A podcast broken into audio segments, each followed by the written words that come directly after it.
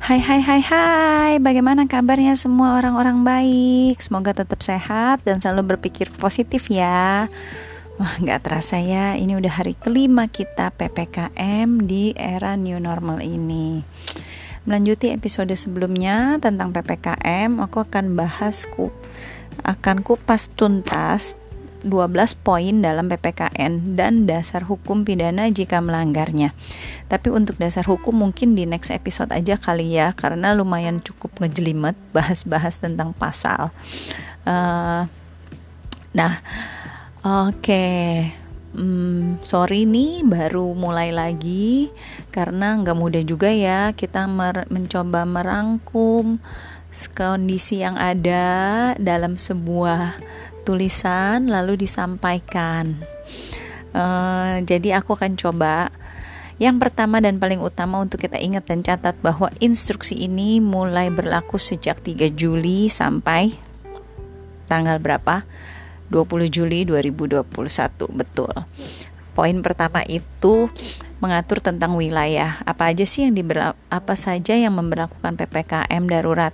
Wilayah wilayah-wilayah mana aja yaitu DKI, Banten, Jawa Barat, eh, Bandung ya, Jawa Tengah, Semarang, Jogja, Jawa Timur, Surabaya dan Bali. Tak hanya itu juga level kabupaten atau kota mana saja yang diharuskan menjalankan PPKM darurat. Yang kedua, mengenai acuan indikator menentukan level daerah yang melakukan PPKM darurat berdasarkan penyesuaian upaya kesehatan masyarakat dan pembatasan sosial dalam penanggulangan pandemi COVID-19 yang ditetapkan oleh Menkes. Jadi, di poin ketiga, aduh ini panjang banget nih ya. Uh, mungkin kalian boleh catat ya.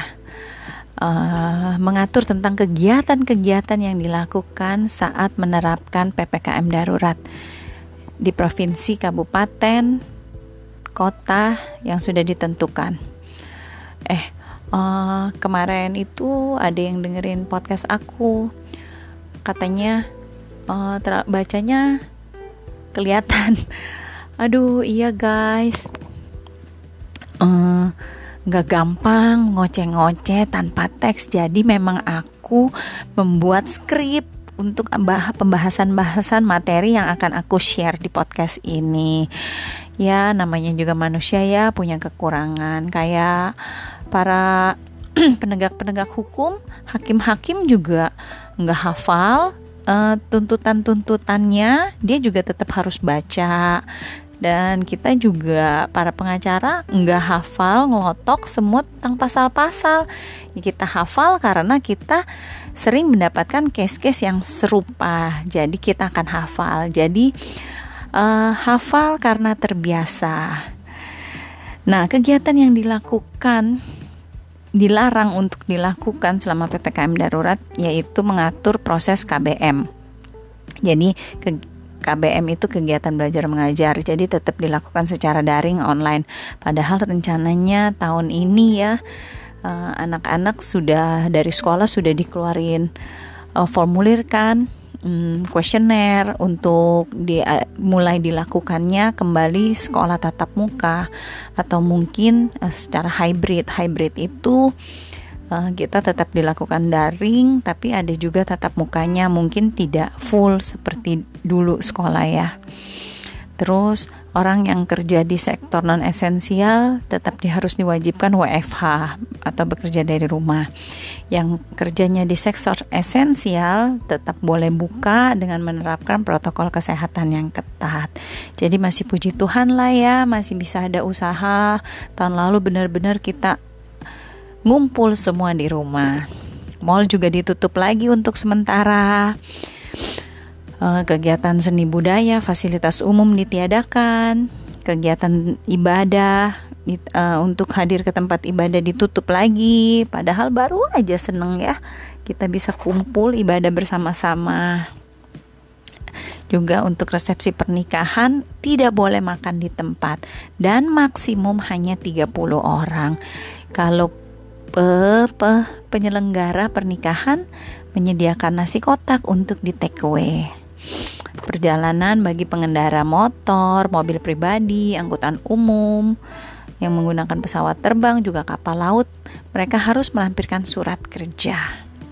Poin keempat, gubernur berwenang mengalihkan alokasi kebutuhan vaksin dari kabupaten dan kota yang berlebihan, alokasi vaksin ke kabupaten dan kota yang kekurangan.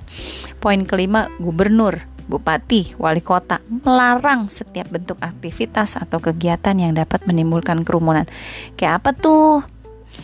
Ya, habis olahraga makan makan ngumpul-ngumpul lagi nggak jelas udah nggak bisa lagi tuh gengs kayak gitu ya poin keenam gubernur bupati wali kota bersama TNI Polri dan kejaksaan mengkoordinasikan dan mengawasi pelaksanaan PPKM darurat COVID-19 hmm Jangan main-main loh. Sekarang semuanya sudah bekerja sama serentak karena benar-benar Covid kali ini apalagi varian-varian alfa, beta, gamma, kappa ya yang dari India itu menyeramkan sekali ya guys. Jadi tetap lakukan prokes, jaga jarak, 5M kalau bisa 7M. Di grup kemarin ada bilang 11M.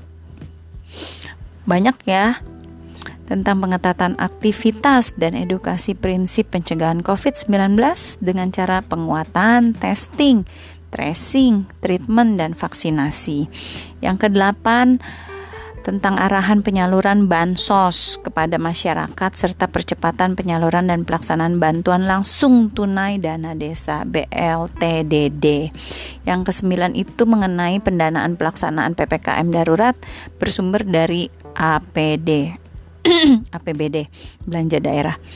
Yang ke-10 sanksinya bagi para pelanggar PPKM darurat baik untuk gubernur, bupati, wali kota serta masyarakat. Hmm, jadi nggak cuma kita doang loh warga, tapi para pemimpin daerah juga jika melanggar mereka akan kena sanksi administrasi seperti teguran, lalu mereka mungkin akan di nonaktifkan selama beberapa bulan. Yang ke-11 mengatur tentang daerah yang tidak diharuskan melakukan PPKM darurat untuk tetap melaksanakan PPKM berskala mikro. Dan yang terakhir tentang hal-hal yang belum ditetapkan dalam instruksi menteri ini tetap berkaitan dan berpedoman pada instruksi Menteri Dalam Negeri tentang PPKM berskala mikro. Nah, Sekian dulu. Selama PSBB ini yang harus kita tidak bisa lakukan dan udah diem-diem aja ya di rumah kumpul bersama keluarga, mami-mami beraktivitas lagi, nonton YouTube, melakukan eksperimen-eksperimen. Anak-anak seneng kok, keluarga bahagia. Stay at home, uh, tetap lakukan prokes. Tuhan memberkati. Bye.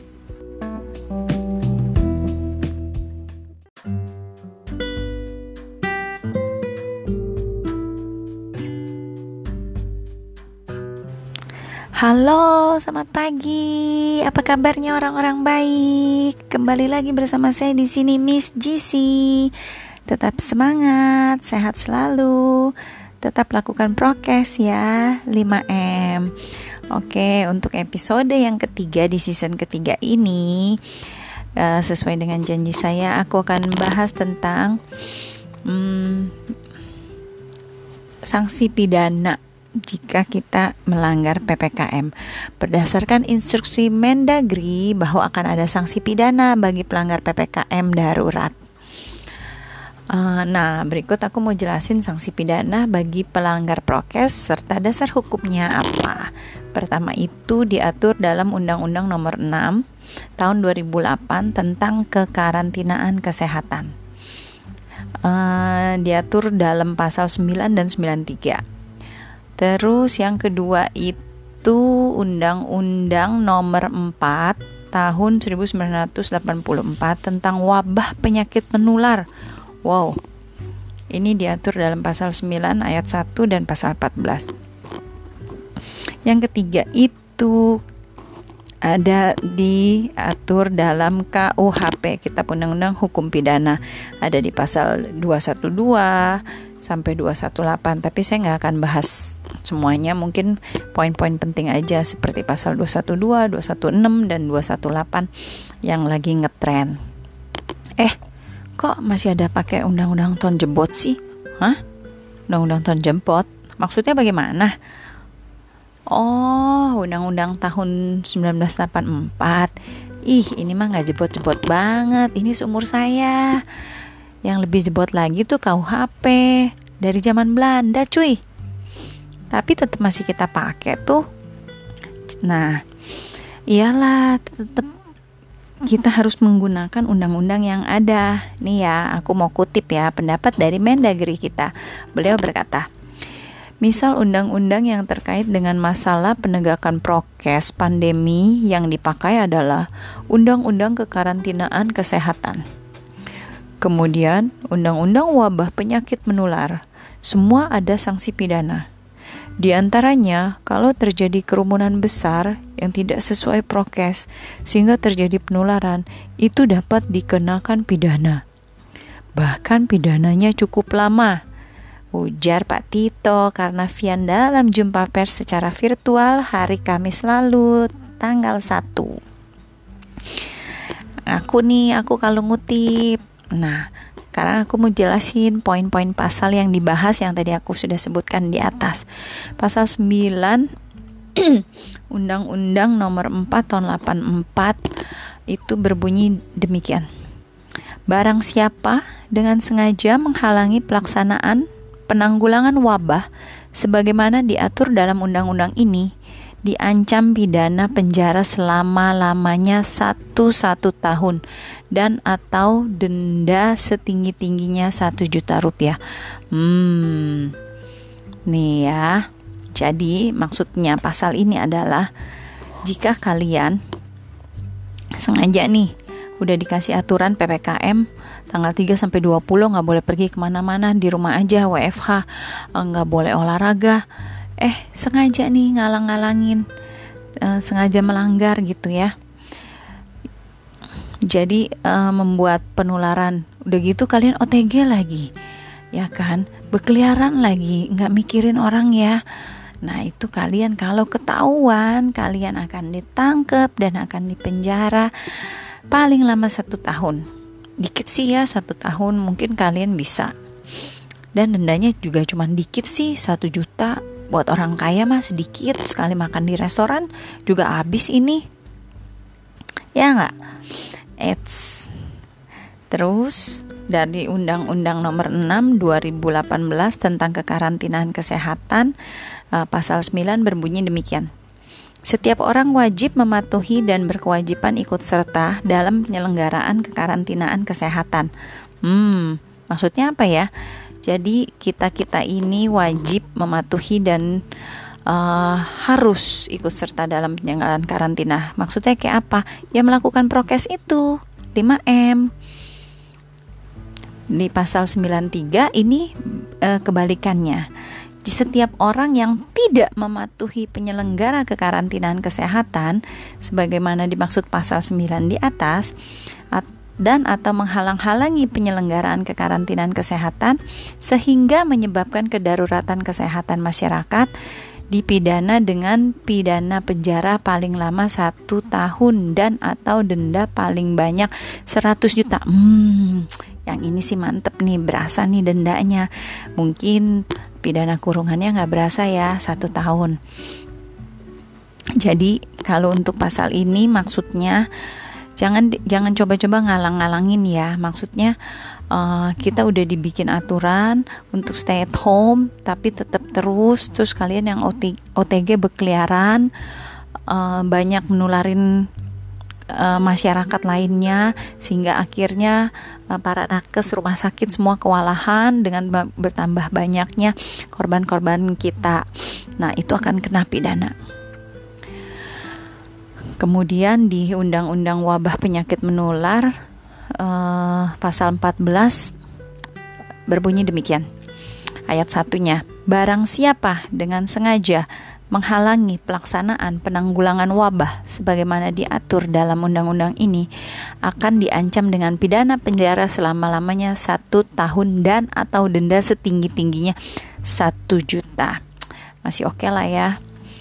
Kedua, barang siapa karena kealpaannya mengakibatkan terhalangnya pelaksanaan penanggulangan wabah sebagaimana diatur dalam undang-undang ini akan diancam dengan pidana penanggulangan wa dengan pidana sekurungan selama-lamanya 6 bulan dan atau denda setinggi-tingginya 500 ribu. Ah lebih kecil lagi. Ini separohnya dari yang tadi. Yang ketiga tindak pidana sebagaimana dimaksud dalam ayat 1 uh, eh, kejahatan dan tindak pidana sebagaimana dimaksud ayat 2 adalah pelanggaran. Jadi uh, untuk di pasal 14 ayat 1 ini kalau yang sengaja menghalangi yang kedua juga yang barang dengan sengaja karena kealpaannya kealpaannya itu karena lalai ya uh, mengakibatkan keterhalangnya pelaksanaan penanggulangan itu disebut pelanggaran eh jangan salah ya guys selain itu ada sanksi pidananya juga loh tadi saya udah sebutkan di atas kan ingat nggak pasal berapa aja Ih, ada pasalnya Wiro Sableng. Gampang dong, apa tuh pasalnya Wiro Sableng? 212, kapak naga gening. Nah, di situ jelasin juga tentang jam malam dan ada pasal-pasalnya yang diatur di KUHP. Di mana kalau kita hmm, mall mungkin tutup, tapi untuk uh, supermarket masih boleh buka sampai tapi cuma sampai jam 8 malam. Nah, jika mereka melanggar, pemilik melanggar buka sampai jam 9, jam 10, mereka akan dikenakan pasal ini, pasal 212 sampai 2218 KUHP yang melawan perintah petugas yang sah. Hmm, dan macam-macam. Terus buat warga yang tidak menuruti himbauan polisi atau melawan petugas akan dihimbau membubarkan diri tetap sama pasalnya 212, 216 dan pasal 218 yang lagi tren itu. Mau tahu nggak bunyi pasal Wiro Sableng 212 KUHP? Barang siapa dengan kekerasan atau ancaman kekerasan melawan seorang pejabat yang sedang menjalankan tugas yang sah atau orang yang menurut kewajiban undang-undang atau permintaan pejabat memberi pertolongan kepadanya, diancam karena melawan pejabat dan pidana penjara paling lama satu tahun 4 bulan. Lumayan nih nambah lagi nih 4 bulan. Dan pidana paling banyak 4500 ah pidananya kecil. Kalau pidana tuh enak dendanya kecil kurungannya lumayan berasa. Sementara pasal 216 KUHP ayat 1 berbunyi Barang siapa dengan sengaja tidak menuruti perintah atau permintaan yang dilakukan menurut undang-undang oleh pejabat yang tugasnya mengawasi sesuatu atau oleh pejabat berdasarkan tugasnya, demikian pula yang diberikan kuasa untuk mengusut atau memeriksa tindak pidana.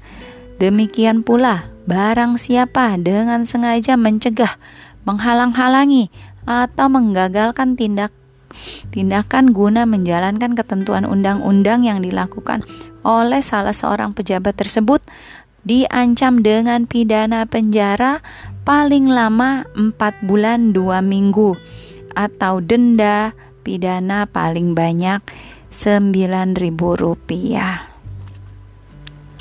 Hmm, kalian jangan lihat nominal dendanya. Kalau udah masuk hotel Prodeo, bisa bisa bertahan satu bulan aja tuh udah hebat banget. Ini saat empat bulan, bahkan satu tahun, bahkan satu tahun empat bulan yang di pasal 212 tadi. Terus pasal yang terakhir, pasal 218 KUHP menyebutkan barang siapa pada waktu rakyat datang berkerumun dengan sengaja tidak segera pergi setelah diperintahkan tiga kali oleh atau atas nama penguasa yang berwenang diancam karena ikut serta perkelompokan dengan pidana penjara paling lama 4 bulan 2 minggu dan atau pidana denda paling banyak 9000 nah, ngerti nggak nih maksudnya yang pasal ini jadi kalau kita lagi ngumpul-ngumpul nih banyak tiba-tiba datang nih satpol pp atau mungkin polisi atau TNI negor kita uh, sekali eh masih kita nggak dengerin nih tetep aja makan di situ ngumpul-ngumpul kongko-kongko lagi. Dua kali nih ditegor nggak dengerin juga. Tiga kali mereka udah ngomong kalian masih belum bubar masih nggak memisahkan diri langsung diciduk dibawa ke pos Pembubaran kerumunan telah tertuang di dalam maklumat Kapolri nomor 2 garing 3 eh, Romawi 3 garing 2020 tentang kepatuhan terhadap kebijakan pemerintah dalam penanganan penyebaran COVID-19. Nah, dalam maklumat itu ada lima jenis pengumpulan massa yang dapat dibubarkan. Pertama, pertemuan sosial, pertemuan budaya, pertemuan keagamaan, dan aliran kepercayaan dalam bentuk seminar, lokakarya, sarasehan, dan kegiatan lain yang sejenis. Yang kedua, kegiatan konser musik, pekan raya, festival, basar, pasar malam, pameran, resepsi keluarga, semuanya udah nggak bisa.